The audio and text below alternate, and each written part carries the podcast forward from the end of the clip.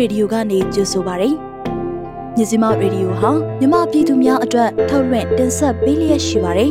။ကျမတို့ရဲ့မြစီမရေဒီယိုကိုနေ့စဉ်ည6နာရီခွဲမှည9နာရီခွဲအထိလိုင်းဒိုမီတာ16မီတာစက္ကန့်တသမခွန်3မဂါဟက်စ်ကနေပြီးတော့ဖမ်းယူနိုင်နိုင်ပါပြီ။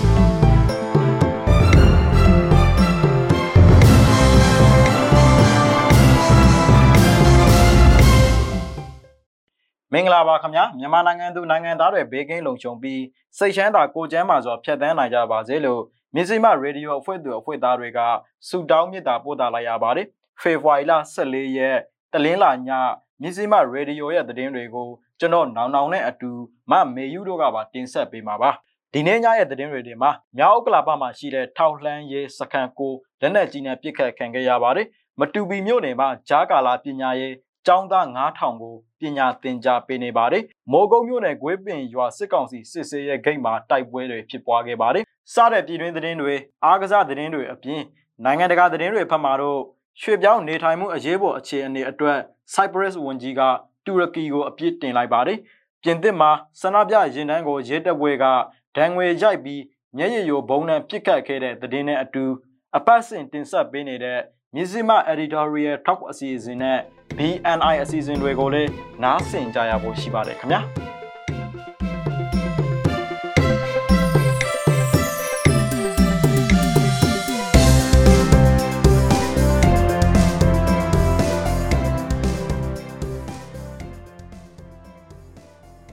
ဟုတ်ကဲ့ပါပြည်တွင်းသတင်းတွေကိုတော့ကျွန်တော်နောင်နောင်ကစတင်တင်ဆက်ပေးပါတော့မယ်ပထမဆုံးအနေနဲ့ကတော့မြောက်ကလာပမှာရှိတဲ့ထောက်လန်းရဲစခန်းကိုလက်နက်ကြီးနဲ့ပစ်ကတ်ခံရတဲ့သတင်းကိုဥဆုံးနားဆင်ရမှာပါရန်ကုန်တိုင်းမြောက်ကလာပမြို့နယ်အောင်မင်္ဂလာအဝေးပြေးဝင်းရှိမှာရှိတဲ့ထောက်လန်းရဲစခန်းကိုစစ်ဖက်ရေးရာလုံခြုံရေးတပ်ဖွဲ့စာရဖစစ်ကြောရဲစခန်းကိုဖေဖော်ဝါရီလ23ရက်နေ့ည8:00နာရီအချိန်က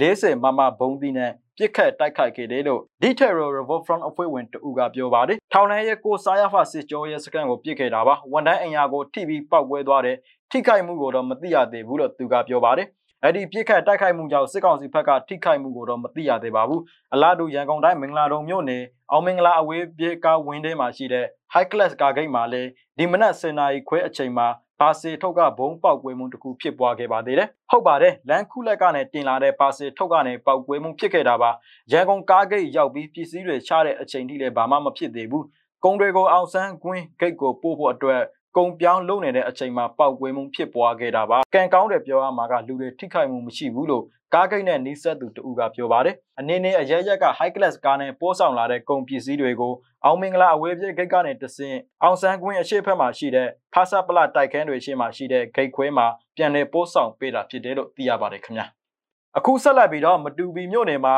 ဂျာကာလာပညာရဲ့ကျောင်းသား9000ခန့်ကိုပညာသင်ကြားပေးနေတဲ့တဲ့တင်ကိုဆက်လက်နားဆင်ရမှာပါ။ ရှင်းပြတဲ့မတူပီမြို့နယ်မှာမတူပီပညာရဲ့ဘုတ်အဖွဲ့ယာယီကဥဆောင်ပြီးတော့ကျောင်းသားဥယျာဉ်9000ခန့်ကိုဂျာကာလာပညာရဲ့အစီအစဉ်အဖြစ်သင်ကြားပေးလျက်ရှိနေပါတယ်။ကျမတို့မူဂျိုကနေစေတန်းအထိဘာသာစုံသင်ကြားပေးနေပါတယ်။မူလာတန်းအဆင့်ကိုတော့ကိုဒေတာစကားနဲ့သင်ကြားပြီးကျန်တာတွေတော့မြန်မာရှင်းနှစ်ဘာသာနဲ့သင်ကြားပေးနေပါတယ်လို့ကျောင်းဆရာမတူကပြောပါတယ်။မတူပီမြို့နယ်မှာကလေးတွေကျောင်းပညာသင်ကြားရေးကို CDM ဝန်ထမ်းတွေစေတနာဝန်ထမ်းတွေနဲ့ ဒေသအလိုက်ပညာရေးကော်မတီတွေက2021ခုနှစ်နိုဝင်ဘာလ1ရက်နေ့မှာစတင်အကောင့်ထဲဖော်ဆောင်ခဲ့ကြတာဖြစ်ပြီးတော့ဆရာဆရာမဥယေ480ကကျောင်းသားကျောင်းသူ4946ဦးကိုပညာသင်ကြားပေးလျက်ရှိတယ်လို့ပြောပါတယ်။မြန်မာအင်္ဂလိပ်သင်ကြားပထဝီသိပ္ပံနဲ့သမိုင်းဘာသာရပ်တွေကိုဂျာကာလာပညာရဲ့အဆက်မပြတ်စေဖို့သင်ကြားပေးလျက်ရှိနေတာဖြစ်ပြီးတော့သင်ရိုးညွှန်းတန်းအပြောင်းအလဲရှိလာနိုင်တယ်လို့ဆိုပါတယ်။တိုက်ပွဲတွေများစွာဖြစ်ပွားနေတဲ့မတူပီမြို့နယ်မှာ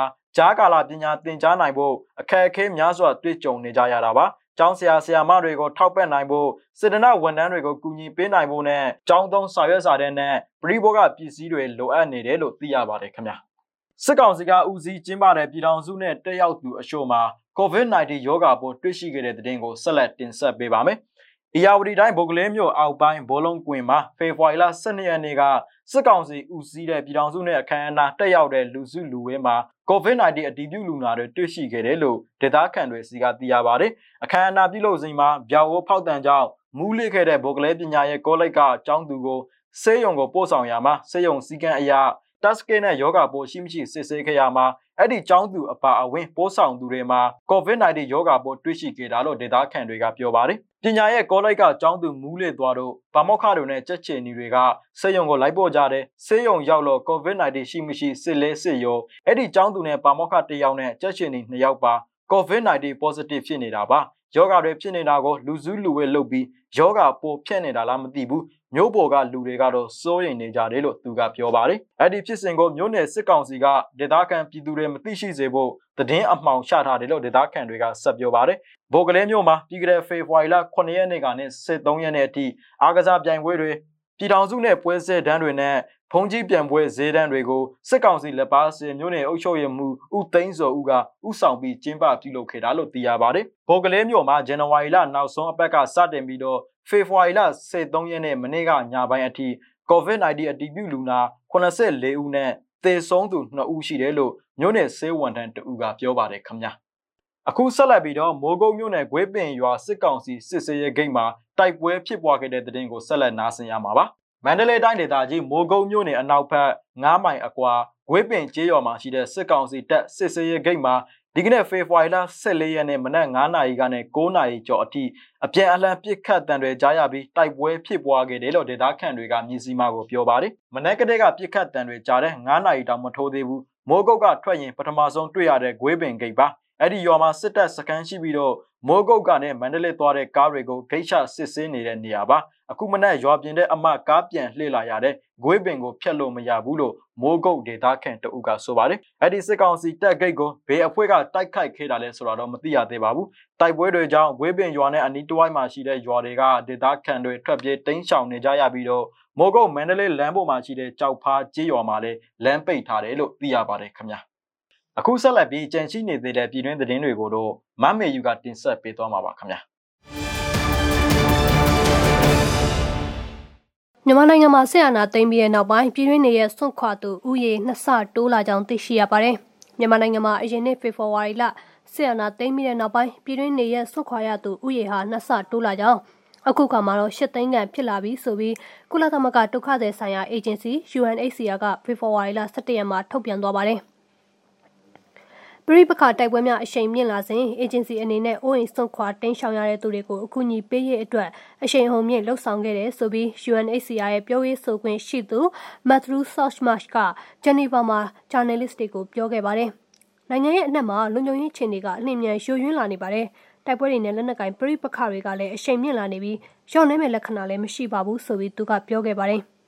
ဒီမိုကရေစီနည်းကျရွေးကောက်တင်မြှောက်ခံထားရတဲ့အစိုးရထံကနေစစ်တပ်ကမတရားအာဏာသိမ်းခဲ့တဲ့2021ခုနှစ်ဖေဖော်ဝါရီလနောက်ပိုင်းပူပူနွေးနွေးနေရဆွန့်ခွာသူဥယေဟာ၄သိန်း၄တောင်းခန့်ရှိခဲ့သလိုတင်တိုင်မြေအစောပိုင်းကလေးကလည်းနေနေကနေဆွန့်ခွာထွက်ပြေးနေရတဲ့သူက3သိန်း9တောင်းခန့်ရှိနေထားပြီးသားဖြစ်တယ်ဆိုပြီးကုလသမဂ္ဂရဲ့ထုတ်ပြန်ချက်တစ်စောင်မှာပြောခဲ့ပါတယ်။ ဒီလာလာဟာအချိန်မြင့်မြန်ဆန်အောင်မယ်ဆိုပြီးတော့လဲအေဂျင်စီဘက်ကတွက်ဆနေပြီးရှေ့လာမဲ့သတင်းပတ်များလာရီမှာနောက်ထပ်နေရဆွန့်ခွာရမှုတွေရှိလာနိုင်ကြောင်းလဲထုတ်ပြန်ချက်မှာဖော်ပြထားပါတယ်ပူလောမျိုးမှာပောက်ကွဲမှုနှစ်ကြိမ်ဖြစ်ပြီးတဲ့နောက်လုံခြုံရေးတင်းကျပ်ထားတဲ့တဲ့တင်ကိုဆက်လက်တင်ဆက်ပေးမှာပါ။ပိတ်ခရိုင်ပူလောမျိုးမှာမနေ့ကဖေဖော်ဝါရီလ23ရက်မနက်ပိုင်းကပောက်ကွဲမှုနှစ်ကြိမ်ဖြစ်ခဲ့ပြီးမြို့လုံခြုံရေးတင်းကျပ်ထားကြောင်းမြို့ကန်နေထံကသိရပါတယ်။ပူလောမျိုးနယ်ထွေထွေအုပ်ချုပ်ရေးဦးစီးဌာနရုံးနဲ့ မြို့နယ်ဦးစီးမှုအိမ်တို့ဟာမနေ့ကဖေဖော်ဝါရီလ23ရက်မနက်6နာရီဝန်းကျင်မှာဘုံပေါက်ကွဲခဲ့တာဖြစ်ပြီးမြို့နယ်ဦးစီးမှုရဲ့အိမ်ပရင်းပေါက်မှန်နေတကားချက်တွေထိခိုက်ပျက်စီးသွားကြောင်းဒေသခံတအုပ်ကဆိုပါတယ်။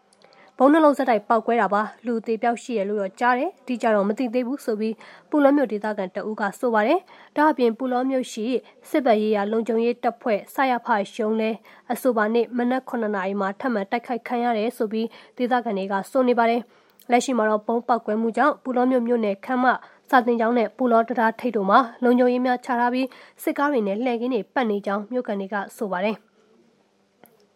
ဆက်လက်နာစီယံမှာကတော့တောင်ကြီးအေးတာယာမြို့တင်မှာအမျိုးသား10ဦးပါအဖွဲ့ကိုစစ်တပ်ကတပ်ပုံပြလို့ရှာဖွေနေတဲ့တရင်ပဲဖြစ်ပါတယ်။ရှမ်းပြည်နယ်တောင်ပိုင်းတောင်ကြီးမြို့အေးတာယာမြို့တင်မှာစစ်တပ်ကအမျိုးသား10ဦးပါဝင်တဲ့အဖွဲ့တစ်ဖွဲ့ကိုဒေသခံတွေထံဖေဖော်ဝါရီလ10ရက်နေ့ကစတင်လို့တပ်ပုံပြပြီးလိုက်လံရှာဖွေနေကြောင်းသိရှိရပါတယ်။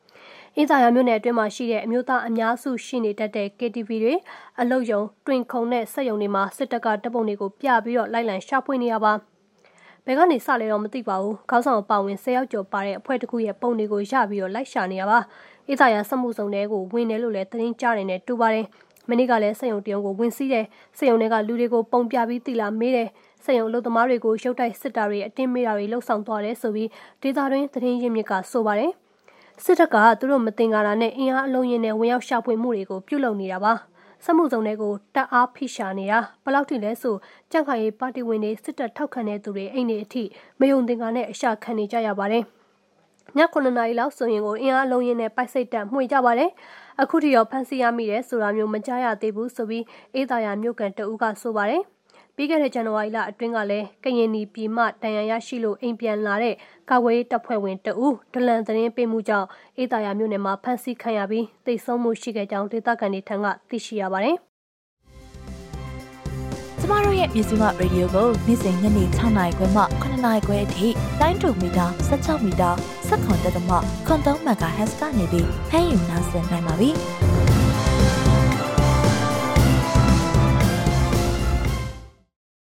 ပြည်တွင်းသတင်းတွေကတော့တင်ဆက်လို့ပြီးပါပြီရှင်။နိုင်ငံတကာသတင်းတွေကိုဆက်လက်နားဆင်ရမှာပါ။ကိုနေဦးမောင်ကတင်ဆက်ပေးထားပါတယ်။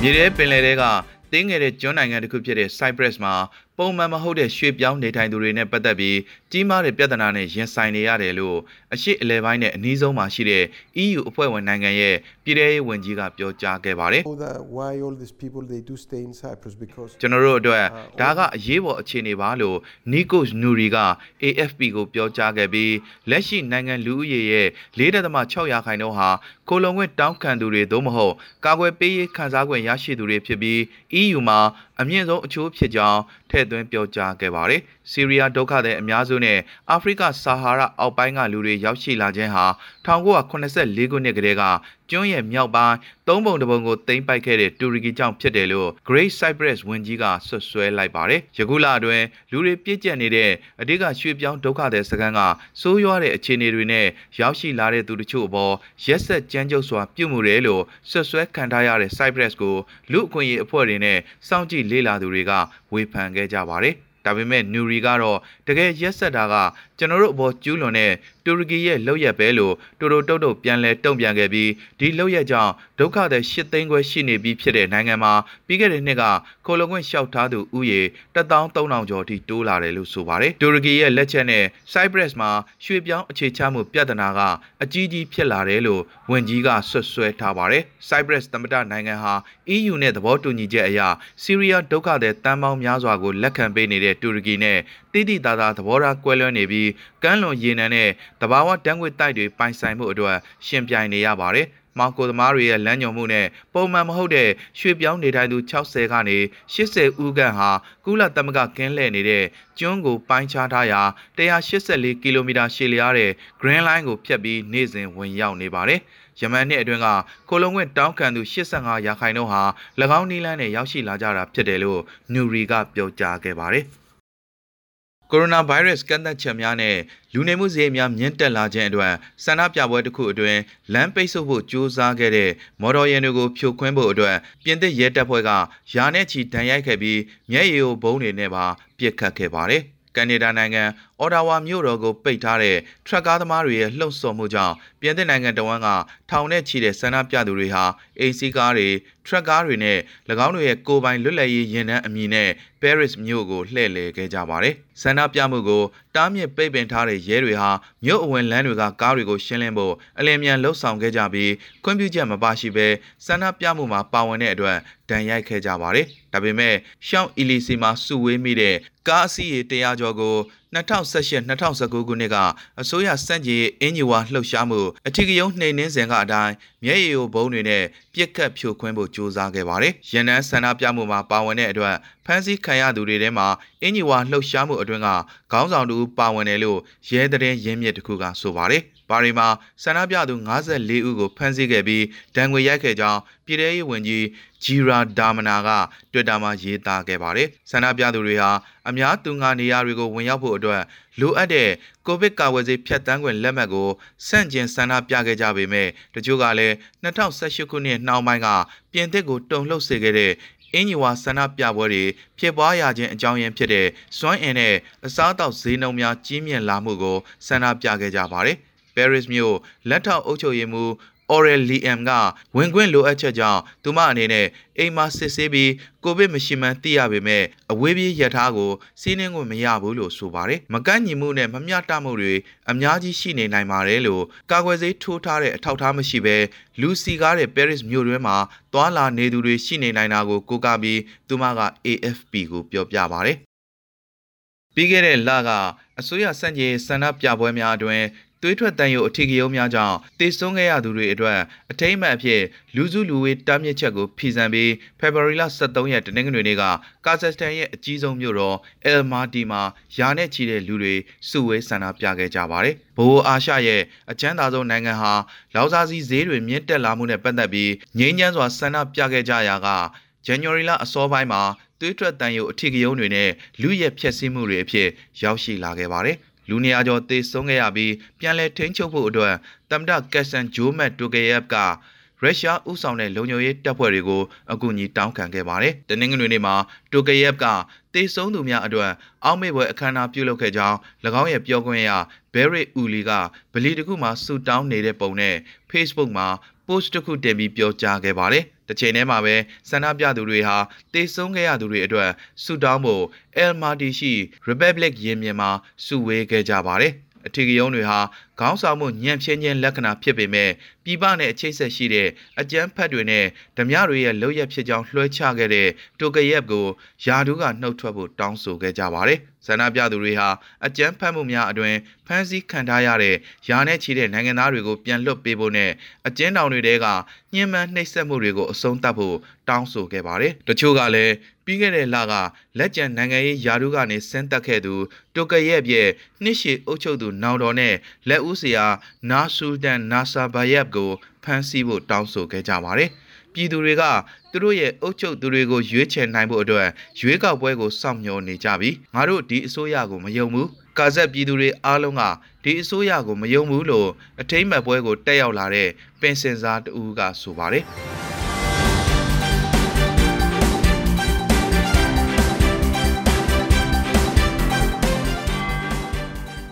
ဒီနောက်မှာတော့နောက်ဆုံးရအားကစားသတင်းတွေနဲ့သုံးသက်ချက်တွေကိုနားဆင်ရမှာပါကိုလင်းထက်ကပြောပြပေးထားပါတယ်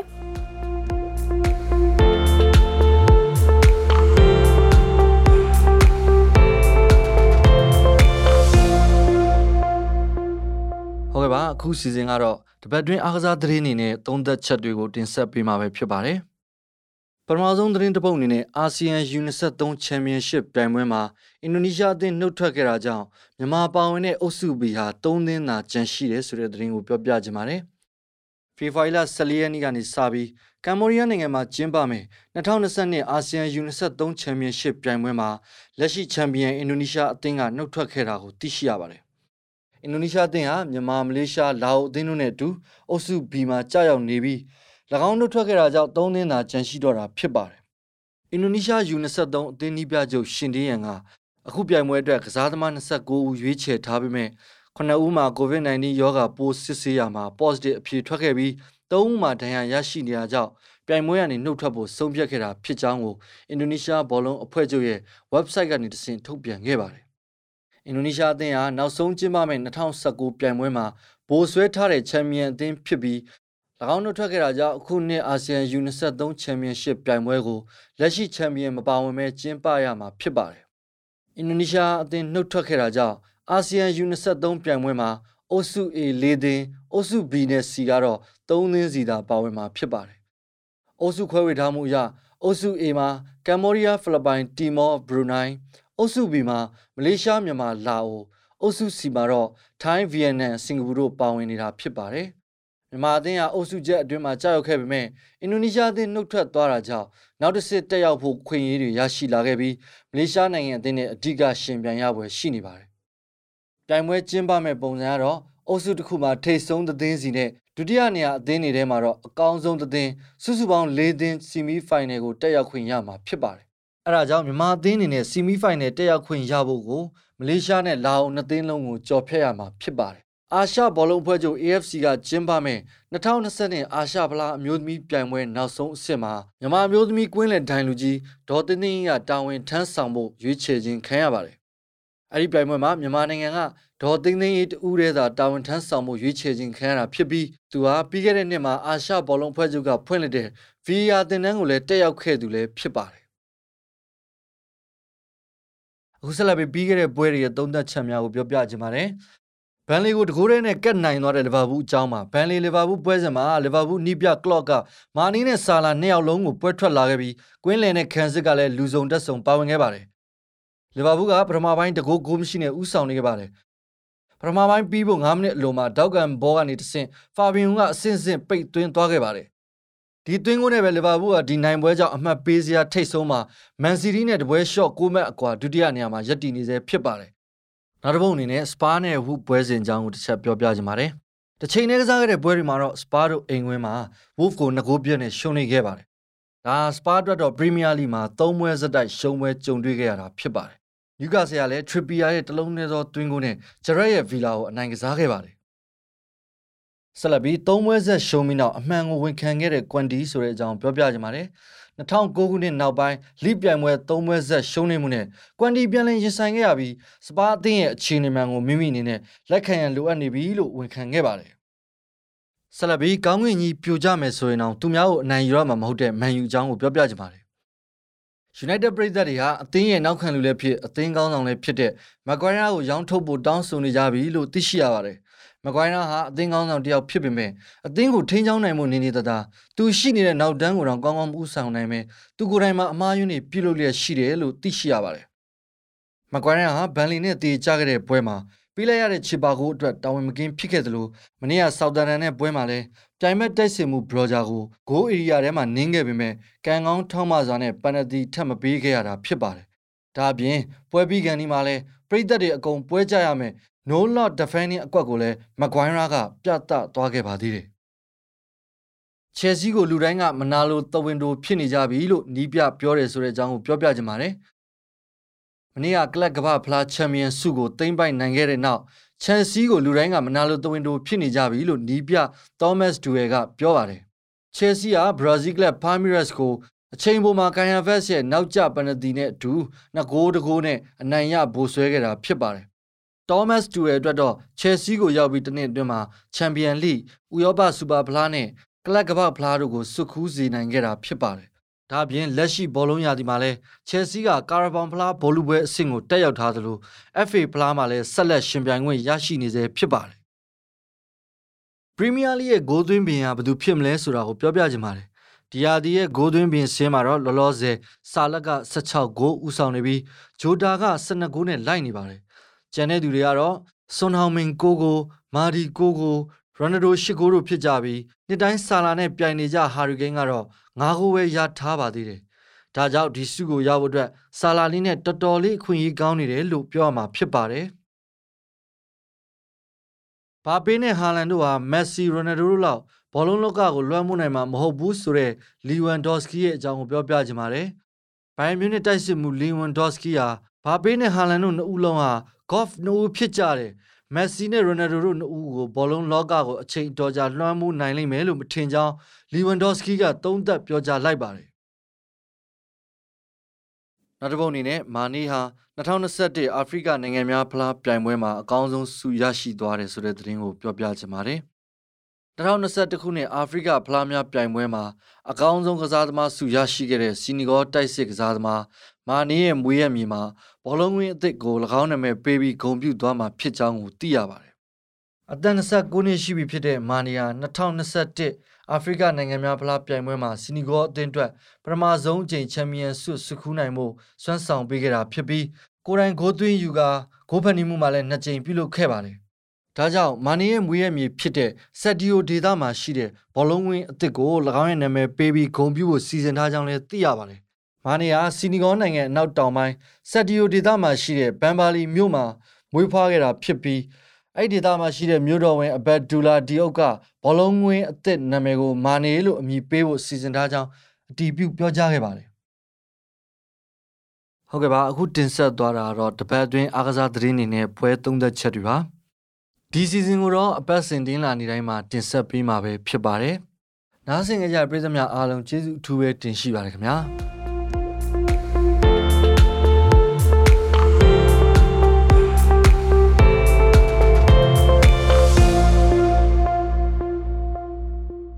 အခုချိန်ကတော့မျက်စိမ editorial talks အစီအစဉ်ကိုနားဆင်ရမယ့်အချိန်ပါရှင်။ဒီတစ်ပတ်မှာတော့နှစ်ပေါင်း80ကျော်ကြာတဲ့အထိပင်လုံစာချုပ်ကိုအခြေခံပြီးစစ်မှန်တဲ့ပြည်ထောင်စုစနစ်ကိုမထူထောင်နိုင်သေးတာဘာကြောင့်ပါလဲ။ပြည်ထောင်စုနိုင်ရေးဘယ်လောက်ထိဝေးနေမလဲဆိုတာနဲ့ပတ်သက်လို့ဒီတစ်ပတ်မျက်စိမ editorial talk အစီအစဉ်မှာသတင်းကန်းစီမံခန့်ခွဲမှု editor ဦးစိန်ဝင်းနဲ့ကိုနောင်နောင်တို့ကဆွေးနွေးသုံးသပ်ထားပါတယ်။နားဆင်ကြရအောင်ရှင်။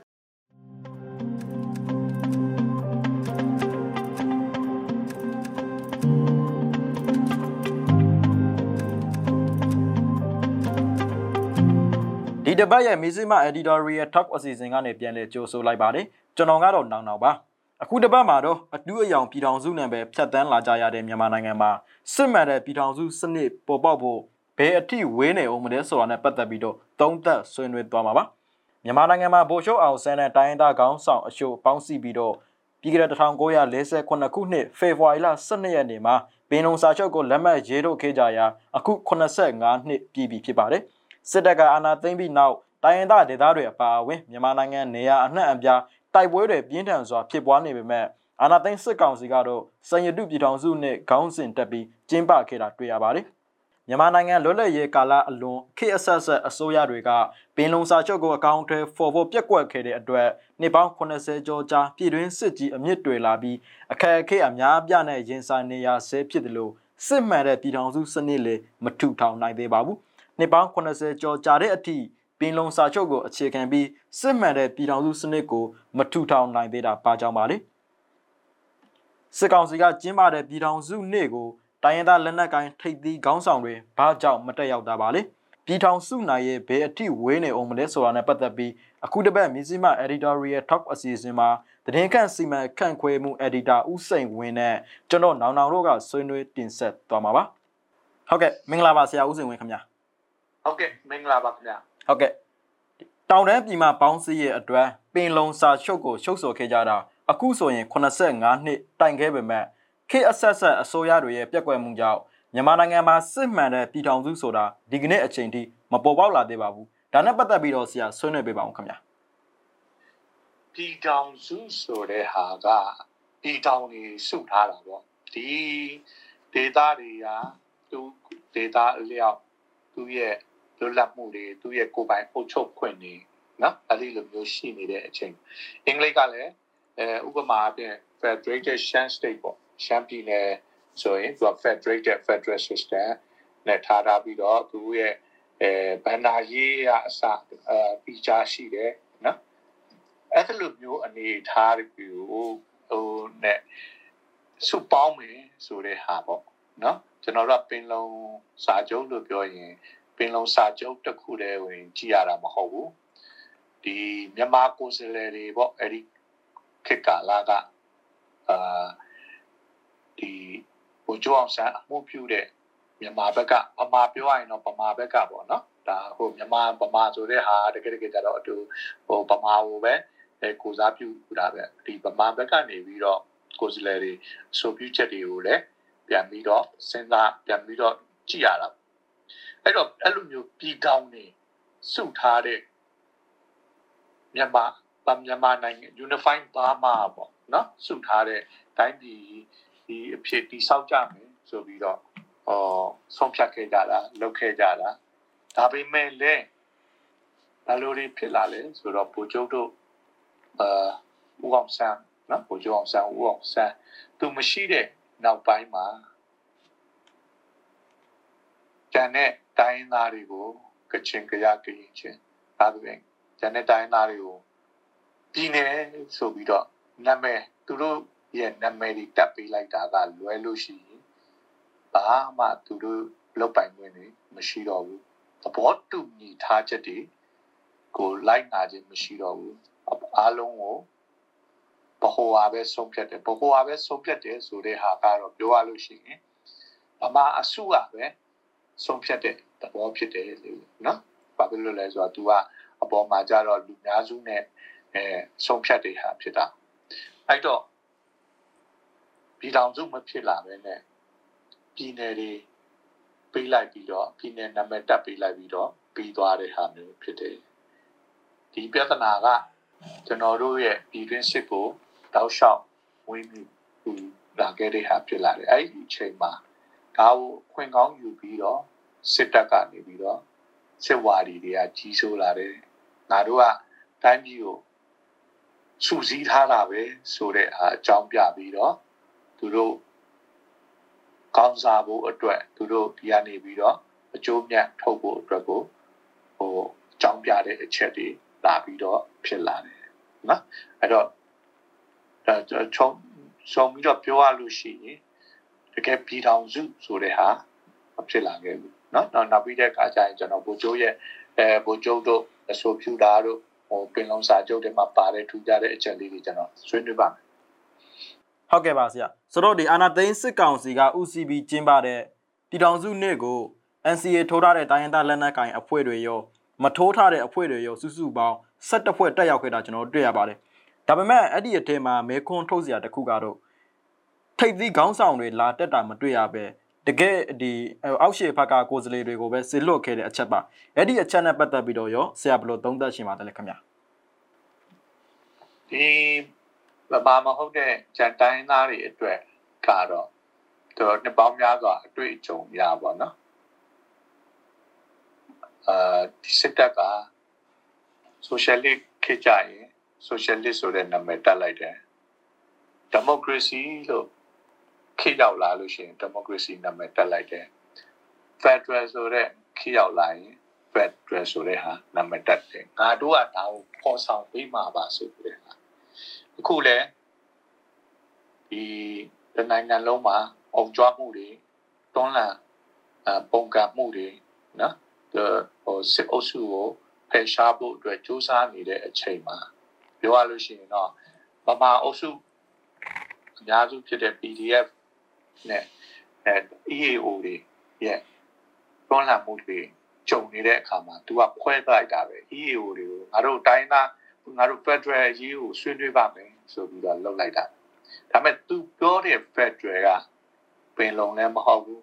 နော်တိုင်းသားတွေရဲ့ autonomy လည်းမဟုတ်ဘူးဘာဖြစ်လို့လဲဆိုတော့အဲ့ဒီဟာတွေပေးရင်လည်းစစ်ဝါဒီတွေကြီးစိုးလို့မရတော့ဘူး။ तू ကကြတော့ချုပ်ထားပြီးတော့မုတ်ပေးတယ်လို့ ကဲခင်ဗျားတို့ကတော့မင်းတို့ကတော့ဒီလောက်ပဲတန်တယ်ဒီလောက်ပဲယူငါပေးတဲ့ဟာယူငါကြွေးတာစားဆိုတဲ့ဟာမျိုးပဲဆိုတဲ့ဟာတိုင်းသားတွေလည်းကောင်းကောင်းနားလည်ပဲကောင်းကောင်းသိတယ်နောက်ဒီဒီပွဲကြီးတွေဆိုတာအာနှစ်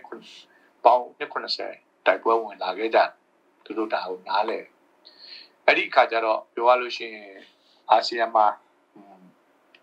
အာအာမင်းအောင်လာဆေအိုဆူကိုလူရမသွင်းမဲနဲ့ non political အစင်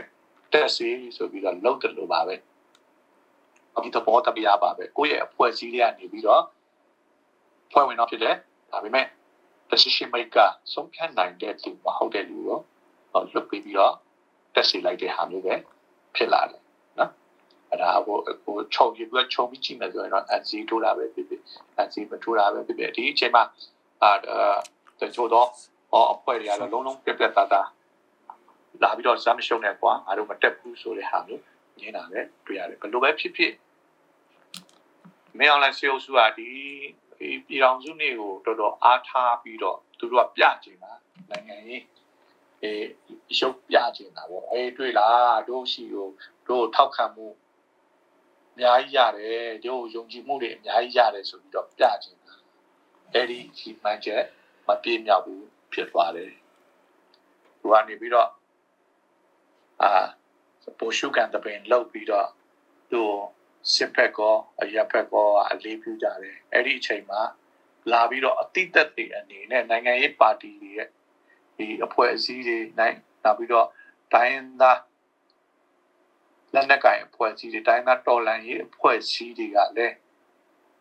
တက်ရောက်အားပေးတယ်ဆိုတဲ့ဟာမျိုးကိုသူကလိုချင်တာ ဒါပေမဲ့မဖြစ်ခဲ့ဘူးလို့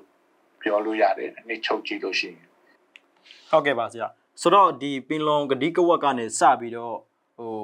ဖြစ်လာတာအခုဆိုရင်ဒါနှစ်ပေါင်း80ကျော်လာပြီပေါ့နော်တကယ်ပြည်တော်စုစစ်စစ်တိဆောက်ဖို့ဆိုရင်ဒါမတူကွေးပြတဲ့ခုနကဆရာပြောသွားတဲ့လူမျိုးအမြင်ကအစားတာမတူကွေးပြတဲ့လူမျိုးစုတွေဂျားထဲမှာလည်းတစ်ဖက်နဲ့တစ်ဖက်ဟိုတန်တရားစိတ်တွေကိုပါခြေဖြတ်နိုင်ဖို့လည်းအဓိကအရေးကြီးတာပေါ့ဆိုတော့အာနာရှင်တွေကပဲဒီခေတ်အဆက်ဆက်စိတ်ဝမ်းကွေးအောင် ခွေးခဲကြတာဆိုတော့အခုဆက်အာနာရှင်လက်ထက်မှာလည်းတကယ်ကိုပြည်တော်စုစနစ်ကို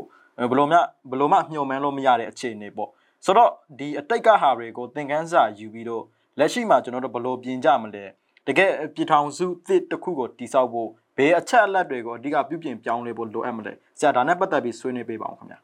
ဒီတောင်စုကိုတည်ဆောက်မယ်ဆိုရင်နံပါတ်1ချက်ကဒန်းတူညီမျှမှုအဲ့ဒီဒန်းတူညီမျှမှုပြီးရင်နိုင်ငံရေးမှာ ကတိကဝတ်ဆိုတာအင်မတန်မှအရေးကြီးပါတယ်အဲ့ဒီကတိကဝတ်တွေကိုဖြည့်ဆည်းဖို့လိုအပ်ပါတယ်ဘုချုပ်ပြောခဲ့တဲ့ဘုချုပ်အောင်ဆန်းပြောခဲ့တဲ့အဆိုပြုတဲ့အချက်မှာပြည်ထောင်စုနိုင်ငံဖြစ်ရမယ်တတိပုဂ္ဂလပြည်နယ်တိုင်းကိုကိုပိုင်အုပ်ချုပ်ရေးအာဏာအင်္ဂလိပ်လိုတော့ autonomy ပေးရမယ်လူနည်းစုတွေအတွက်လုံလောက်တဲ့ကာကွယ်မှုတွေ ထည့်သွင်းပြဋ္ဌာန်းရမယ်ဆိုတဲ့ဟာပါတယ်เนาะအဲ့လိုမျိုးသူစီယုံနေတယ်အဲ့ဒီဟာကိုကျန်တော့ကျန်တဲ့ကိုယ်စားလှယ်တွေကရှန်ကိုယ်စားလှယ်တွေနဲ့သဘောကျတယ်ထောက်ခံတာမျိုးတွေ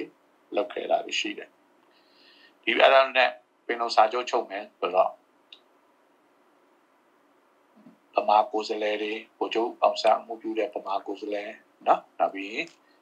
British ဆိုရအဲ့ချိန်တော့ Governor of Burma ပေါ့ဒါကသူကတက်တဲ့အနေနဲ့ live သူလက်သူလက်တက်တယ်ဒါဟိုဒီအဲ့ချိန်မှာအာနာရှိတဲ့အာနာရှိတဲ့လူဟိုတက်တဲ့ရလို့လည်းဖြစ်တယ်ပြီးတဲ့အခါကျရင်ရှမ်းစော်ဘွားကချင်တောင်တန်းနဲ့ချင်းတောင်တန်းကကိုယ်စလဲတွေတက်ကြတယ်အဲ့တော့ဒီလိုမျိုးတက်ပြီးတော့ proper Burma နဲ့ ညီပြန် proper Burma နဲ့ frontier area ဆိုတဲ့တိုင်းတောင်တန်းဒေသတွေပူးပေါင်းမယ်ပူးပေါင်းမှုသဘောတူညီကြတယ်စာချုပ်ကိုဟိုကြည့်လို့ရှိအဲ့တော့ဟိုတက်တဲ့အထက်မှာဟိုလေးလာသူအနေနဲ့ကရင်မျိုးသားစီးရုံးကကိုယ်စားလှယ်တွေလည်းအဲလေးလာသူအနေနဲ့တက်တယ်တက်တာကိုတွေ့ရစာချုပ်မှာသူကဘာလဲဆိုတော့အဓိက point ဒီ frontier area ပေါ့လေ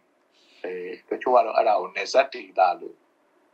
ပြန်လာအာပြန်ပြီးပြန်ပြီးတော့လုံးတုတ်တာရှိတယ်ကျွန်တော်ကတော့ nesat data ဆိုတဲ့အစားအာတောင်တန်း data အဲဆိုတဲ့အတုံးနှုံးကိုတောင်တန်းဆိုတဲ့ဟာကိုပို့ပြီးတော့သဘောကျတယ်ဒီ frontier area မှာသူတို့ရဲ့နယ်အုပ်ချုပ်ကြီးอ่ะငကိုအတိုင်းပဲရှိနေရမယ်ဒါကိုပြုပြင်ပြောင်းလဲမှုမလုပ်ပြီး မလုပ်ဘူးဆိုတဲ့ဟာပါတယ်ပြောရင်တော့ autonomy နော်ပြီးရင် federation state မှာ financial autonomy ဗန္ဒာရေးနဲ့ပတ်သက်ပြီးတော့ကိုယ်ပိုင်အုပ်ချုပ်ရေးကိုအပြောင်းလဲမလုပ်ဘူးသူတို့အင်္ဂလိပ်လိုတော့ရေးထားတာတော့စနစ်တကျရှိတယ်အဲထိခိုက်ခြင်းမရှိစေရဆိုတဲ့သဘောအလားတူပဲ ကချင်တောင်နဲ့ချင်းတောင်နဲ့တွေတော့ယာရင်းရလိုက်တဲ့ဗန္ဒာရေးအခြေအနေတွေကိုထိခိုက်ခြင်းမရှိမရှိစေရဆိုတဲ့ဟာပါတယ်အဲ့မှာအဲ့ဒီအချိန်ကကချင်ဟိုကချင်ကအာပြည်နယ်ရဲ့လို့မဟုတ်သေးဘူးကချင်ကတိကျအနေနဲ့ပဲရှိတဲ့အခါကျတော့ကချင်ကို state အနေနဲ့တတ်မှတ်ဖို့အတွက်ကို ရေဘူးအခြေခံအပြင်သဘောတူတယ်ဒါပေမဲ့တတ်မှတ်ခြင်းတရားဝင်တတ်မှတ်ခြင်းကတော့လွတ်တော်ထဲမှာဆုံးဖြတ်ပါမယ်ဆိုတဲ့ဟာနော်အဲ့ဒါလိုမျိုးသဘောတူညီချက်တွေရှိလာခဲ့တယ်ပြောချင်တဲ့အဓိပ္ပာယ်ကနာမည်လေးပေးလိုက်တာလည်းမဟုတ်ဘူးသူ့မှာ autonomy ဆိုတဲ့အားရှိတယ်သူကစပြီးတော့ပေါင်းစည်းမှုကိုလာတာဒီဒီဒီအစုအဖွဲ့တွေကဒန်းတူညီမျှမှုဆိုတဲ့အ ပေါ်မှာအခြေခံပြီးတော့လာတာဖြစ်တယ်အဲ့တော့ဘယ်သူလူများစုဗမာကနေပြီးတော့ခွဲတန်းချရမယ်ဆိုတဲ့ဟာမဟုတ်နောက်ပိုင်းကျတော့ဗမာကနေပြီးတော့ခွဲတန်းချပြီးတော့ဒီလောက်ပဲယူဒီလောက်ပဲယူဆိုတဲ့ဟာမျိုးတွေဖြစ်လာတယ်ပြီးတဲ့အခါကျရင်အုတ်ချုပ်ရေးမှာပါကိုကနေပြီးတော့အုပ်ချုပ်တဲ့ဟာဖြစ်လာတယ်စစ်တပ်ကိုဗဟိုပြုပြီးတော့လက်ပတ်တဲ့ရန်ရာတွေဖြစ်လာတယ်အဲ့တော့ အခုဘယ်လိုလုပ်မလဲဖြစ်ရှင်းချက်ကတော့ရှင်းရှင်းလေးပဲဒီဟာမျိုးတွေမလုပ်ဖို့ပဲပင်လုံကသဘောတူညီချက်ကိုအကောင့်ထဲပေါ်ဖို့အဲ့ဒီဟာပင်လုံရဲ့သဘောတူညီချက်ကတန်းတူညီမျှမှုပေါ်အခြေခံလာတာဖြစ်တယ်။လက်ဖြစ်စနစ်အနေထားရဟိုတုန်းကလို့ဟိုရှမ်းကချင်ချင်းအဲသုံးခုတည်းနဲ့လုံးလို့မရဘူးပေါ့။ဂျန်တဲ့တိုင်းသားတွေပေါင်းစုပြီးတော့ တက်ကြွနိုင်ငံတော်တစ်တစ်ခုကိုတန်းတူညီမျှတဲ့နိုင်ငံတော်တစ်ပင်လုံရဲ့စိတ်ဓာတ်ကိုအခြေခံပြီးတော့လုံးမရလိမ့်မယ်အဲ့ဒါဆိုရင်တစ်ဖက်မှာတော့စစ်တပ်ရဲ့စစ်ဝါဒီအုပ်စိုးမှုမရှိဖို့လဲလိုတယ်စစ်ဝါဒီရှိနေတဲ့ကာလပတ်လုံးကတော့ဒီမိုကရေစီလည်းမရဘူးဖက်ဒရယ်လည်းမရဘူးဘာဖြစ်လို့ဒါနဲ့ဒီဟာတွေကလုံးလုံး မှစန့်ကျင်ဘက်တွေဖြစ်တာတဲ့အတွက်ဘလို့မှကောင်းတဲ့ပေါ်ပေးနိုင်မှာမဟုတ်ဘူးဟုတ်ကဲ့ကျေးဇူးတင်ပါတယ်ဆရာနောက်တစ်ချက်ကဟိုဒီဘက်မှာပို့လေဒီ21ရာစုမှာဒီဒေါ်ဆန်းစုကြည်အကြသားအစိုးရတက်လာပြီးနောက်ပိုင်းပို့လေနောက်ပိုင်းမှာဒီ21ရာစုပင်လူညီလာခံတွေငင်းချမ်းရေးဆွေးနွေးပွဲတွေလုပ်တယ်တစ်ဖက်မှာလည်းဒီဒီခေတ်ဆက်ဆက်သူတို့ရဲ့ Facebook ပုံနဲ့အာနာဆက်ယူထားတဲ့စစ်အုပ်စုကလည်းသူတို့အာနာဆက်ယူထားတဲ့အနေအထားမှာရှိတဲ့တိုက်ပွဲတွေကလည်းပြန်ဖြစ်နေတဲ့အခါကျတော့ ဒီစစ်မှန်တဲ့ပြည်ထောင်စုကဒီ1948ခုနှစ်ဒီ62ခုနှစ်တွေထပ်တောင်မျှော်တိုင်းဝင်းနေပြီလားဆိုပြီးတော့ဒါယူဆခဲ့ကြတာရှိတယ်။ဆိုတော့အခုတပံစစ်တပ်ကအာဏာသိမ်းပြီးတဲ့နောက်ပိုင်းမှာအခြေအနေကပိုပြီးတော့ဆိုးဆိုးရွားရွားကြုံလာရတဲ့အခါကျတော့ဒီပြည်ထောင်စုအကုန်လုံးပေါ့လေဒါပြည်နေတွေအကုန်လုံးပြည်ထောင်စုနိုင်ဖို့ကထပ်ပြီးတော့ပိုဝေးသွားအောင်မလားဒါမှမဟုတ်ဒီအစိုးတွေကအကောင်းဆိုသလိုပြည်ထောင်စုတိတိဆောက်ဖို့ပိုနီးသွားမလားဆက်ဘလို့သုံးသက်လဲကြဒါနဲ့ပတ်သက်ပြီးသုံးသက်ပေးပါအောင်ခင်ဗျာ ဒီတိုင်းတောက်လျှောက်တိုင်းပြည်ရဲ့အာဏာကိုချုပ်ကန်ပြီးတော့ခြေလှယ်ခဲ့တဲ့ခြေလှယ်နေတဲ့စစ်တပ်နဲ့ဒီစစ်တပ်ကိုစန့်ကျင်ပြီးတော့အယတအုပ်ချုပ်ရေးထူထောင်ခြင်းနဲ့ဗမာအုပ်စုသူကတော့ပြောရရင်တော့လူမျိုးကပြင်ပြောရရင်တော့ဗမာအုပ်စုထဲမှာပဲရှိတယ်ဒီအုပ်စုတခုထဲမှာအရင်တော့ကတော့တိုင်းသားတွေဂျန်တဲ့တိုင်းသားတွေရဲ့ပင်လုံစိတ်ဓာတ်ကိုပင်လုံမှုကို တွေ့ဖြီခဲ့ကြတာရှိတယ်တွေ့တွေ့ဖြီလို့လည်းပြည်တွင်းစစ်ကတောက်လျှောက်ဖြစ်ခဲ့သဘောတူညီချက်မရဘူးအဲ့တော့ဟောတစ္ဆာပေါက်ခံရတယ်လို့ဟိုဟိုခံခံစားရတဲ့အတွက်စัจကျင်ရဖြစ်လာတယ်ဒီဒီအဲ့ဒါနောက်ပိုင်းမှာမှအာအခုဆိုရင်တော့အခြေအနေကတော့ပြောင်းသွားတယ်ဒီစစ်တပ်စစ်ဝါဒီတွေရှိနေတဲ့ကာလပတ်လုံး တိုင်းပြည်ရဲ့တန်တူညီမျှမှုကိုအကောင့်ထဲမှာပေါ်နိုင်မှုဆိုတာတွေနဲ့မကတို့တော့ဖွဲ့စည်းပုံမှားနေပြီတိုင်းပြည်ကို state building နိုင်ငံတော်ပေါ့နော်အော်နိုင်အဲနိုင်ငံတော်တိဆောက်တဲ့ဟာပုံစံမှားနေပြီဆိုတဲ့ဟာကိုသိလာကြတော့တယ်ဒါကဗမာတွေဘက်မှာဂျမ်မြင်ဆွေးနွေးလာကြတာအရင်တော့ကတော့ Federal အကြောင်းပြောရင်ဟိုပဲ အာတိုင်းပြည်ကိုဖြိုဖြိုခွဲတဲ့လူရဲ့လို့ဟိုတတ်မှတ်ပြီးတော့အော်နေနေတာဟာလာပြောပြောခွင့်မရအောင်ဆွေးနွေးခွင့်မရအောင်လုပ်ခဲ့တဲ့အနေဒါအရာအခုကတော့တစင်တက်သွားပြီအဲ့ဒါတွေကကြိုက်တော်ရှိမကြိုက်တော်ရှိသူပါသူအလိုလောက်ဖြစ်လာတယ်တစ်ချိန်တည်းမှာပဲတိုင်းသားတွေကအေးမင်းတို့ဟိုပေးမှဖက်ဒ ရယ်ရရမယ်မဟုတ်တော့ဘူးမပေးလဲတို့ကတော့တို့လိုချင်တဲ့လမ်းကိုရှောက်တော့မယ်ဆိုတဲ့ဟာပြပြတတပေါ်ပြီးတော့ဖြစ်လာကြတယ်အဲ့ဒီခါကျတော့ဟောကောင်းအစိုးရအကောင်းပေါ့ဗမာတွေကြားထဲမှာလည်းအဲအဲနိုင်ငံရေးရဲ့နားလည်မှုနိုင်ငံရေးရအာဒီဟာတော့လွဲနေပြီဆိုတဲ့ဟာကိုမြင်လာကြတာပို့ပြီးတော့ ဆွေးနွေးခွင့်ရှိလာဒီမြင့်ဆိုရင်လည်းအဲ့ဒါလို့မဟုတ်ရင်လည်းသူကဒါစစ်တပ်ကပဲအဲကြုံပြူတဲ့ဟာကိုအကုန်ဟိုခံကြရမှာဆိုတဲ့အခါကျတော့အကုန်လုံးကဒီနှောင်ကြိုးကနေပြီးတော့ရုံးထွက်လာတယ်နိုင်ငံတစ်ကိုဒီကိုပုံစံကိုတွားမှရတော့မယ်နိုင်ငံတစ်မတွားလို့ရှိရင်လည်းတိုင်းပြည်ကတိုင်းပြည်တစ်တွေပေါ်လာလိမ့်မယ်ဆိုတဲ့ဟာကိုမြင်လာတယ်အဲ့တော့ကြိုက်တော်ရှိမကြိုက်တော်ရှိတိုင်းပြည်က ပုံစံတစ်ကိုတွားနေပါပြီအဲ့ဒီဂျီစီကိုကျွန်တော်အမြင်ရတော့ဘယ်သူမှတားလို့မရတော့ဘူးဘယ်လိုပဲပုံဖြစ်မလဲဆိုတဲ့ဟာကျွန်တော်တို့ကကျွန်တော်တို့ဗမာတွေအများစုရောကျန်တဲ့ဒိုင်းသားတွေရောအာတို့တော့တာတူကြီးမြနဲ့ပင်လုံရဲ့စိတ်ကိုအခြေခံပြီးတော့ စူးစီးမှုတွေလုပ်မယ်ဆိုရင်တက်တာပါလိမ့်မယ်အဲဒါလိုမဟုတ်ပဲပုံစံဟောင်းနဲ့ပဲလုပ်မယ်ဆိုရင်တော့မတက်တာတဲ့နီလန်ကိုဖြစ်သွားပါလိမ့်မယ်နော်အဲ့ဒါကအဲ့ဒါကဟိုကလွတ်လပ်တဲ့နိုင်ငံတွေပေါ်တာဆိုရင်လည်းပေါ်တဲ့အလျောက်ဖြစ်လာပါလိမ့်မယ်ဟုတ်ကဲ့ဆရာဦးစိန်ဝင်းကျေးဇူးအများကြီးတင်ပါတယ်ခင်ဗျာဟုတ်ကဲ့ကျေးဇူးပါခင်ဗျာ ဒါကတော့မြန်မာနိုင်ငံမှာစစ်မှန်တဲ့ပြည်ထောင်စုစနစ်ပေါ်ပေါက်ဖို့ဘယ်အထိဝေးနေအောင်မလဲဆိုတာနဲ့ပတ်သက်ပြီးတော့အက်ဒီတာဦးစိန်ဝင်းကသုံးသပ်တင်ပြသွားတာပါမြန်မာပြည်သူတွေခုခံတော်လှန်တိုက်ထုတ်နေတဲ့ဆရာနာရှင်ချုပ်ငိမ့်ပြီးကာလအလွန်မှာပြည်ထောင်စုတစ်ကိုတိဆောက်နိုင်မလားဘယ်အထိအလန်းဝေးနေအောင်မလဲဆိုတာကတော့စောင့်ကြည့်ရအောင်မှာဖြစ်ပါတယ်ဒီတစ်ပတ်ရဲ့မီဇီမာ editorial talk အစီအစဉ်ကတော့ဒီလောက်ပါပဲဒီအစီအစဉ်ကိုတလင်းလာနေတိုင်းမှာတင်ဆက်ပေးသွားမှာပါစောင့်မျှော်နားဆင်နိုင်ပါတယ်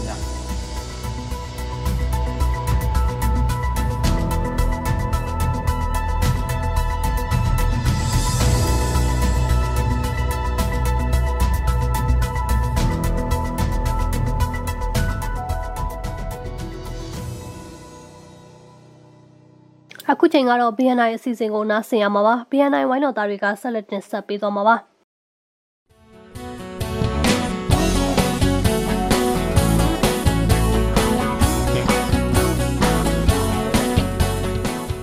မင်္ဂလာပါရှင်နိုင်ငံတကာမြန်မာသတင်း BNN ရဲ့ဒီကနေ့ဖေဖော်ဝါရီလ14ရက်နေ့အသံလွှင့်အစီအစဉ်တွေကိုစတင်နေပါပြီ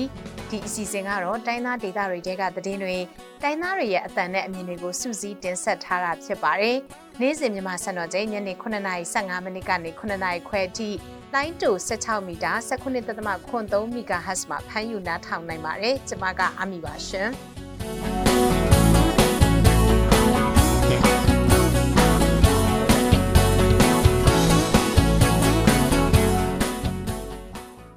ဒီနေ့မှာကြားကြရမယ့်သတင်းတွေကတော့ရှမ်းပြည်နယ်မြောက်ပိုင်းကောက်ွယ်ရေးအဖွဲ့ကအမတ်စင်3မွန်းမန်တင်နန်းစင်ပွဲပြုလုပ်ပါတယ်။ ကရီနီပြည်နယ်လွိုက်ကော်နဲ့ဒီမော့ဆိုမှာတိုက်ပွဲတွေဆက်ဖြစ်နေခဲ့ပြီးနေအိမ်တချို့မီးလောင်ခဲ့ပါတယ်။နောက်ပိုင်းမှာတော့ကချင်ပြည်နယ်မြစ်ကြီးနားမြို့ကလူငယ်တွေကိုဖမ်းဆီးမှုတွေလုပ်နေတဲ့အကြောင်းတွေကိုသတင်းပေးပို့ချက်မှာကြားကြရမှာပါ။သတင်းတွေကိုတော့ကျွန်မနဲ့အတူဆိုင်းမွန်းကနေတင်ဆက်ပေးသွားမှာပါရှင်။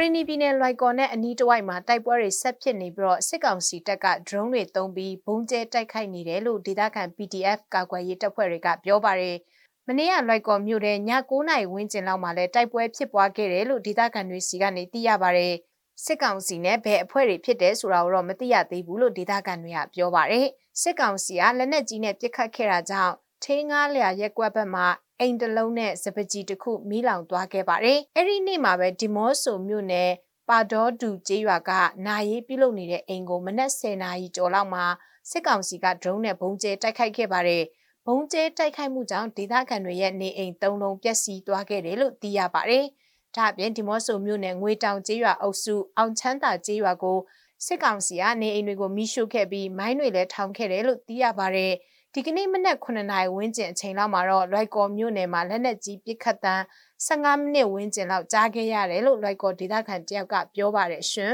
။ ရှမ်းပြည်မြောက်ပိုင်းကမြို့နယ်ခုနှစ်ခုကလူထုကာကွယ်ရေးတပ်ဖွဲ့တွေစုပေါင်းဖွဲ့စည်းထားတဲ့ NSSDF ရှမ်းပြည်မြောက်ပိုင်းကာကွယ်ရေးအဖွဲ့မွမ်းမံတင်တန်းအပတ်စဉ်3တင်တန်းစင်ပွဲအခမ်းအနားကိုဖေဖော်ဝါရီလ23ရက်နေ့ကကျင်းပပြုလုပ်ခဲ့ကြပါတယ်။ရှမ်းပြည်မြောက်ပိုင်းကာကွယ်ရေးအဖွဲ့ဟာဆီယနာရှင်ကိုစန့်ကျင်ကြတဲ့နမ်ခမှုဆဲတိန်နီလာရှိုတီပေါ်ကြောက်မဲနဲ့နောင်ချုံမြို့နယ်ပါဝင်တဲ့မြို့နယ်ခုနှစ်ခုကလူထုကာကွယ်ရေးတပ်ဖွဲ့တွေစုပေါင်းဖွဲ့စည်းထားတာဖြစ်တယ်လို့ထုတ်ပြန်ထားပါတယ်။ရှမ်းပြည်မြောက်ပိုင်းကာကွယ်ရေးအဖွဲ့ကိုဆီယနာရှင်စနစ်ကိုအမြင့်ပြတ်တိုက်ထုတ်ဖို့တောင်ပေါ်မြေပြန့်တိုင်းတန်းညီကိုတွေနဲ့ညီညွတ်စေဖို့ပြည်သူ့ဘဝတိုးတက်ရေးလုံခြုံရေးနဲ့ Federal Democracy တည်ဆောက်နိုင်ရေးအတွက်2021ခုနှစ်အောက်တိုဘာလ23ရက်နေ့မှာဖွဲ့စည်းလိုက်တာဖြစ်တယ်လို့ထုတ်ပြန်ထားပါတယ်မွန်ပြည်နယ်မှာစစ်ကောင်စီကစင်ရတုပြည်ထောင်စုနဲ့အထိမ့်မှတ်ဆိုပြီးအကျဉ်းသားအယောက်80ကိုပြန်လွတ်ပေးခဲ့ပြီးမဲ့နိုင်ငံရေးသမားတွေမပါခဲ့ပါဘူးစစ်ကောင်စီကလွတ်ငင်းချမ်းသာခွင့်နဲ့ပြန်လွတ်ပေးခဲ့တဲ့အကျဉ်းသားတွေကတော့ဆက်အနာရှင်စန့်ကျင်ရေးလှုပ်ရှားမှုမှာပါဝင်ပြီးနောက် ရာစသက်ကြီးဥပဒေပုံမှန်905ကကြီးနဲ့ပြည်တံကြခံနေရတဲ့နိုင်ငံရေးအကျဉ်းသားတယောက်မှပါဝင်တာမရှိဘူးလို့မွန်ပြည်နယ်အကျဉ်းဦးစီးဌာနကတာဝန်ရှိသူတယောက်ကပြောပါတယ်။ပြန်လွတ်ပေးခဲ့တဲ့နိုင်ငံရေးအကျဉ်းသားတွေဟာမွန်ပြည်နယ်အတွင်းကအကျဉ်းထောင်အသီးသီးမှာပြည်တံကြခံရသူတွေဖြစ်ပြီးအဲ့ဒီထဲမှာတော့အကျဉ်းသား65ဦးအကျဉ်းသူ5ဦးပါဝင်ပါတယ်။စစ်ကောင်စီကပြန်လွတ်ပေးတဲ့အကျဉ်းသားတွေထဲမှာတော့စစ်ပြေးရဲပြေးခိုးမှုစတဲ့အမှုအသီးသီးနဲ့ ပြည်တံကြခံခြင်းခံရတဲ့သူတွေအများစုပါဝင်နေတာဖြစ်ပါတယ်စစ်ကောင်စီကတော့နိုင်ငံတွင်းမှာအကျဉ်းသား814ယောက်ကိုပြည်တံလွတ်ငင်းခွင့်ပေးခဲ့တယ်လို့တရားစွဲဆိုထားဆဲဖြစ်တဲ့ AA အဖွဲ့ဝင်46ယောက်ကိုလည်းအမှုပိတ်သိမ်းပြီးတော့ပြန်လည်လွတ်ပေးခဲ့တယ်လို့ထုတ်ပြန်ထားပါတယ်ရှင်။ BNI Radio ကသတင်းတွေကိုတင်ဆက်ပေးနေတာဖြစ်ပါတယ်။နေ့စဉ်မြန်မာစံတော်ချိန်ညနေ9:15မိနစ်ကနေ9:00ခွဲအထိလိုင်းတူ16မီတာ19.3 MHz မှာဖမ်းယူနားထောင်နိုင်ပါတယ်။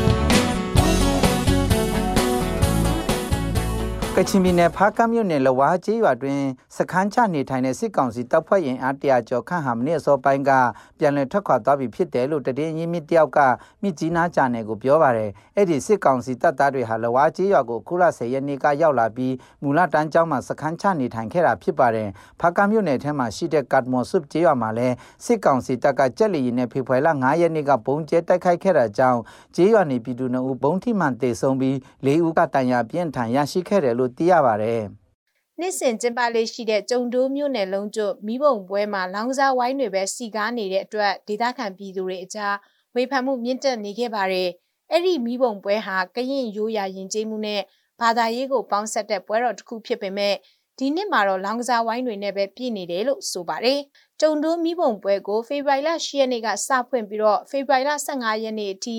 တပတ်ကြာကျင်းပဖို့ဖြစ်ပေမဲ့အရင်လ19ရက်နေ့ကလေးက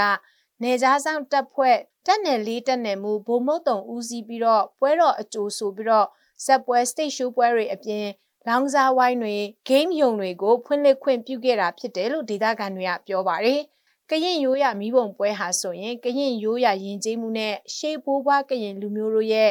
ကိုးကွယ်ယုံကြည်မှုနဲ့ဘာသာရေးကိုပေါင်းဆက်ပြီးတော့ကျင်းပတဲ့ပွဲတော်တစ်ခုဖြစ်တာနဲ့အညီတဘိုရဲလှပြည့်အာယုံတက်ချိန်မှာမိဘုံတိုင်းမိရှုပူဇော်မှုကို တလခုံးဘာသာဝင် အဖိုးအဖွားတွေနေမြေခံဆရာတော်တန်ဃာတော်ကြီးတွေဥဆောင်ပြီးတော့ရိုးရမပြတ်လှုပ်ဆောင်လေးရှိတာဖြစ်ပါတယ်ရှင်တနင်္လာရီတိုင်းဒေသကြီးပက်ကိုလီနဲ့လာရောက်မယ်ဆိုရင်ခီးတယ်တွေအနေနဲ့82နာရီအတွင်းစစ်ဆေးထားတဲ့ကိုဗစ်19ရောဂါကင်းရှင်းကြောင်းလက်မှတ်ပါရမယ်လို့တိုင်းဒေသကြီးနဲ့ဗိတုကျမ်းမာရေးဦးစီးဌာနကညွှန်ကြားချက်ထုတ်ပြန်ထားပါတယ်။ဖေဖော်ဝါရီလ12ရက်နေ့ကစတင်ပြီးလေကြောင်းခရီးစဉ်နဲ့ရန်ကုန်မြို့ကနေဗိတ်ထဝယ်ကော့တောင်းပုတ်ပင်းမြို့တွေကိုတွာလာကြမယ်ဆိုရင် ခရီးတယ်တွေအကုန်လုံး RTT test kit နဲ့ 92နာရီအတွင်းစစ်ဆေးထားတဲ့တက်တေခံလက်မှတ်ကိုစစ်ဆေးသွားမယ်လို့ထုတ်ပြန်ချက်မှာဖော်ပြထားပါတယ်။မိမျိုးကလေရင်လက်မှတ်ရောင်းဝန်ထမ်းတဦးကလည်းဆေးအောင်လက်မှတ်ပါမှဒါလေလက်မှတ်ထုတ်ပေးမယ်လို့ပြောပါတယ်။ဖေဖော်ဝါရီလ10ရက်နေ့ကကျင်းပခဲ့တဲ့ကိုဗစ်19ထိန်းချုပ်ရေးနဲ့အရေးပေါ်တုံ့ပြန်ရေးကော်မတီစည်းဝေးမှာအခုလိုဆုံးဖြတ်ခဲ့တာလို့သိရပါတယ်။ဆက်ရောက်ခရီးတယ်တွေကို RTT test kit နဲ့ကိုဗစ်ထပ်မံစစ်ဆေးပြီးယောဂဘိုးတွေ့ရှိခဲ့မယ်ဆိုရင်တော့လုပ်ငန်းစဉ်တွေအတိုင်းတက်ဆိုင်ရာခရိုင်မြို့နယ်အုပ်ချုပ်ရေးမှုအဖွဲ့အစည်းတွေကြက်ချင်နေအသင်းအဖွဲ့တွေလူမှုအဖွဲ့အစည်းတွေနဲ့ပူးပေါင်းညှိနှိုင်းဆောင်ရွက်သွားမယ်လို့လည်းဖော်ပြထားပါတယ်။မြစ်ကြီးနားမြို့မြောက်ဘက်လမ်းမကြီးပေါ်ပလနာရက်ကွက်ကရဲကင်းစခန်းတစ်ခုဒီနေ့မနက်9နာရီအချိန်လောက်မှာမိုင်းခွဲတိုက်ခိုက်ခံခဲ့ရပါတယ်။ဒီစခန်းကပလနာရက်ကွက်ထဲမှာနေ့စဉ်လမ်းသွားလမ်းလာပြည်သူတွေကိုစစ်ဆေးမှုတွေလုပ်နေတဲ့ရဲကင်းစခန်းတစ်ခုဖြစ်တယ်လို့ဒေသခံတွေကပြောပါတယ်။ ဒါပေမဲ့အဲ့ဒီပောက်ကွဲမှုဖြစ်စဉ်မှာစစ်ကောင်စီတပ်ဖွဲ့နဲ့ရဲတပ်ဖွဲ့ဝင်တွေထိခိုက်တာမရှိဘူးလို့သိရပါတယ်။မြကြီးနားမြို့မှာအခုရက်ပိုင်းအတွင်းစစ်ကောင်စီတပ်သားတွေဟာအရင်ကထက်အရက်ဝတ်နဲ့သွာလာမှုတွေပိုပြီးတော့လှုပ်ဆောင်လာနေပြီးတော့အထူးသဖြင့်လူငယ်တွေကိုစစ်ဆေးတာမတင်ကရင်ဖမ်းဆီးသွားတာမျိုးတွေဇက်တိုက်လှုပ်ဆောင်နေတယ်လို့ဒေသခံတွေစီကနေသိရပါတယ်။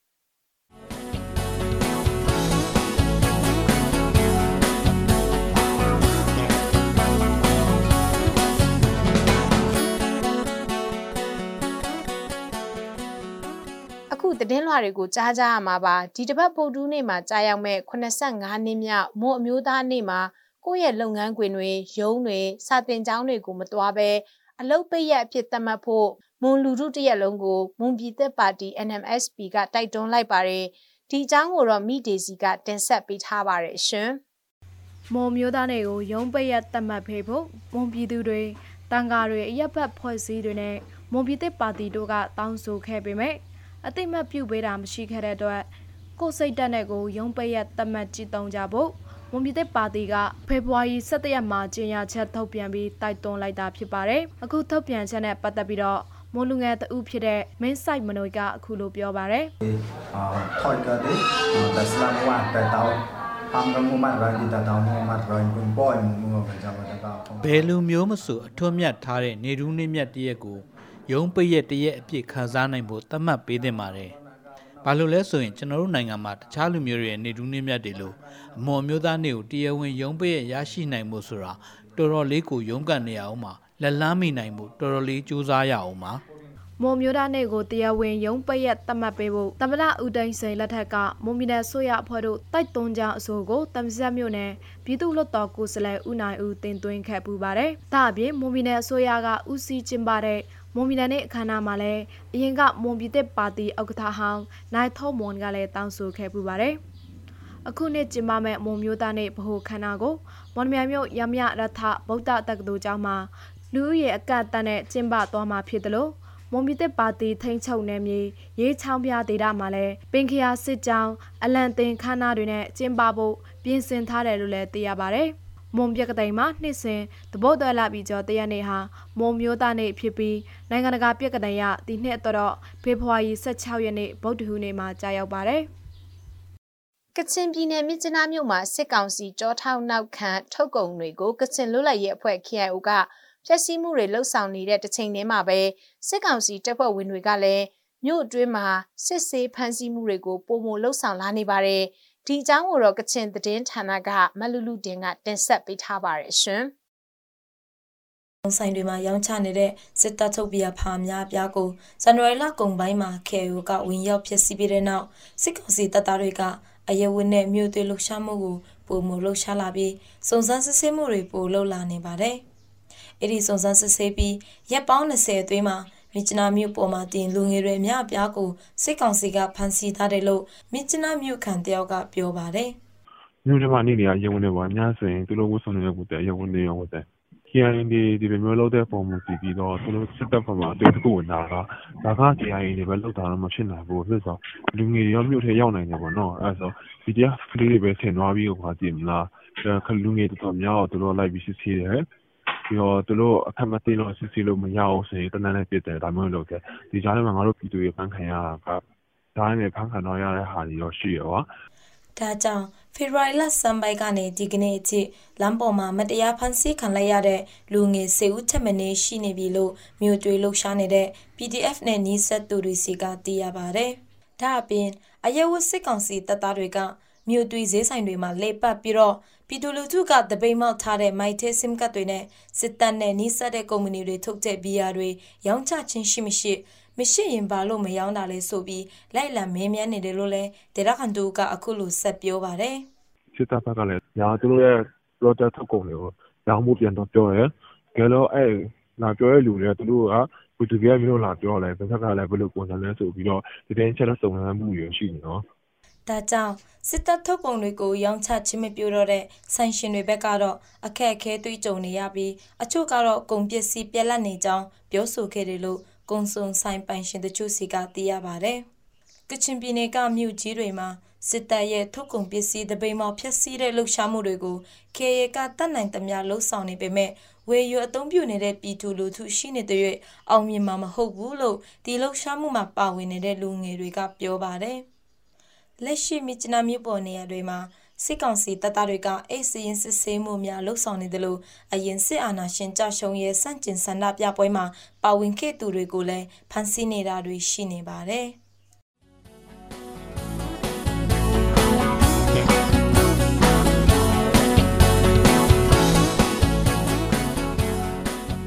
အခုနားဆင်ခဲ့ကြရတာကတော့ BNI Radio ကနေ့စဉ်သတင်းအစီအစဉ်ပဲဖြစ်ပါတယ်။ ဒီအစီအစဉ်ကိုနေ့စဉ်မြန်မာစံတော်ချိန်ညနေ9:15မိနစ်ကနေ9:00ခွဲအထိ15မိနစ်ကြာထုတ်လွှင့်နေတာဖြစ်ပါတယ်။နားဆင်ပေးတဲ့အတွက်ကျေးဇူးတင်ပါတယ်ရှင်။ကျွန်မကအမီပါ။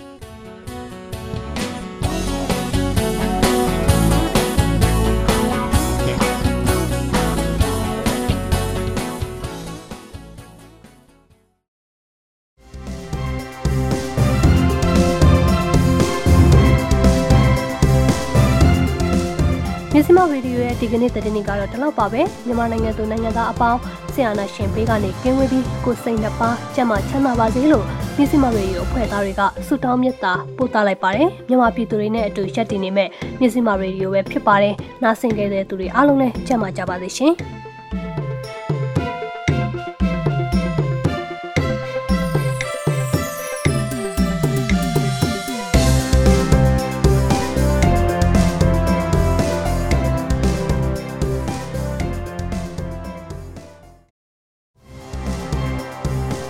မတို့ရဲ့မြစီမရေဒီယိုကိုနေ့စဉ်ည6နာရီခွဲမှည9နာရီခွဲထိလိုင်းတူမီတာ16မီတာ